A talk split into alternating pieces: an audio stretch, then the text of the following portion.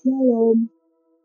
Kembali lagi dalam renungan anak GKY Mangga Besar. Rencana Tuhan tidak pernah gagal. Kejadian 27 ayat 1 sampai 29. Sebelum Esau dan Yakub lahir, Tuhan telah memberitahu Ribka, ibu mereka, bahwa anak bungsulah yang akan meneruskan perjanjian Tuhan kepada umatnya. Tentunya Ribka juga memberitahukan hal ini kepada Ishak. Ketika dilahirkan, Esau keluar dulu. Badannya berwarna merah dan berbulu lebat. Yakub keluar kemudian. Berbeda dengan Esau, badan Yakub tidak merah dan kulitnya tidak berbulu. Setelah mereka besar, Esau menjadi seorang pemburu yang lebih banyak berada di luar rumah. Sedangkan Yakub lebih senang tinggal di dalam rumah. Ishak suka makan daging binatang buruan. Setiap kali Esau pulang dari berburu, dia memasak daging hasil buruannya untuk Ishak, ayahnya. Karena itu, Ishak lebih sayang kepada Esau. Sedangkan Ribka lebih sayang kepada Yakub yang suka tinggal di rumah dan membantu ibunya. Ketika Ishak menjadi tua dan matanya telah kabur, dia merasa waktunya sudah dekat.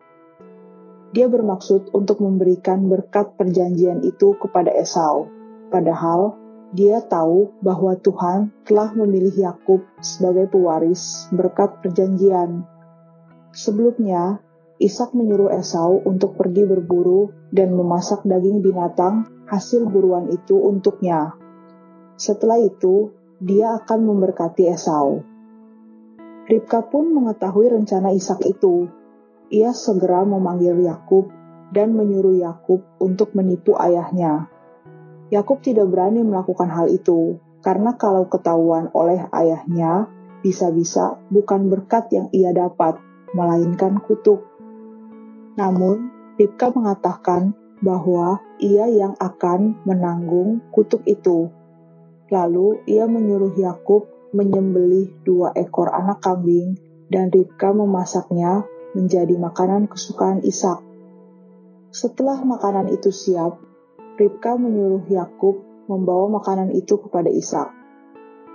Karena badan Yakub tidak berbulu seperti Esau, Ribka menyuruh Yakub membungkus tangan dan lehernya dengan bulu domba. Yakub juga diberi pakaian Esau, sehingga Ishak akan mencium bau Esau bila Yakub mendekatinya. Ishak yang matanya telah kabur tidak dapat melihat siapa yang datang kepadanya. Karena itu, ia bertanya, "Siapakah yang membawa makanan itu?" Yakub menjawab, "Akulah Esau, anak sulungmu." Ishak merasa heran karena Esau begitu cepat kembali, dan dia berkata, lekas juga engkau mendapatkan hasil buruannya anakku.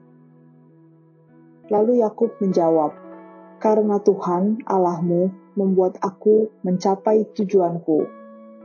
Ishak masih ragu bahwa yang datang kepadanya itu Esau. Karena itu, dia ingin memastikan hal itu dengan meraba kulit Esau. Ternyata kulit yang dirabanya berbulu. Dan ketika Ishak mencium bau pakaian Esau, dia semakin yakin bahwa yang datang itu adalah Esau, padahal itu adalah Yakub. Isa akhirnya memberkati Yakub karena mengira Yakub adalah Esau. Teman-teman, usaha yang dilakukan oleh Ribka dan Yakub memang berhasil.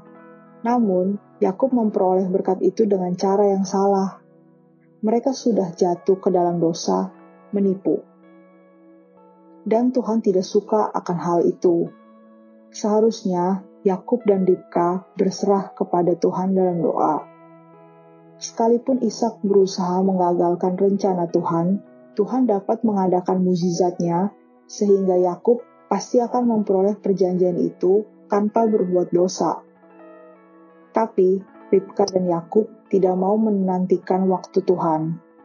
Mereka berbuat dengan cara mereka sendiri. Padahal rencana Tuhan pasti terlaksana tidak ada seorang pun yang dapat menggagalkan rencana Tuhan.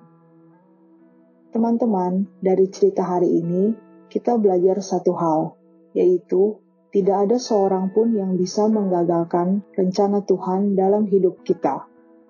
Sebelum kita lahir ke dunia ini, Tuhan sudah mengenal kita dan mempunyai rencana yang terbaik bagi kita.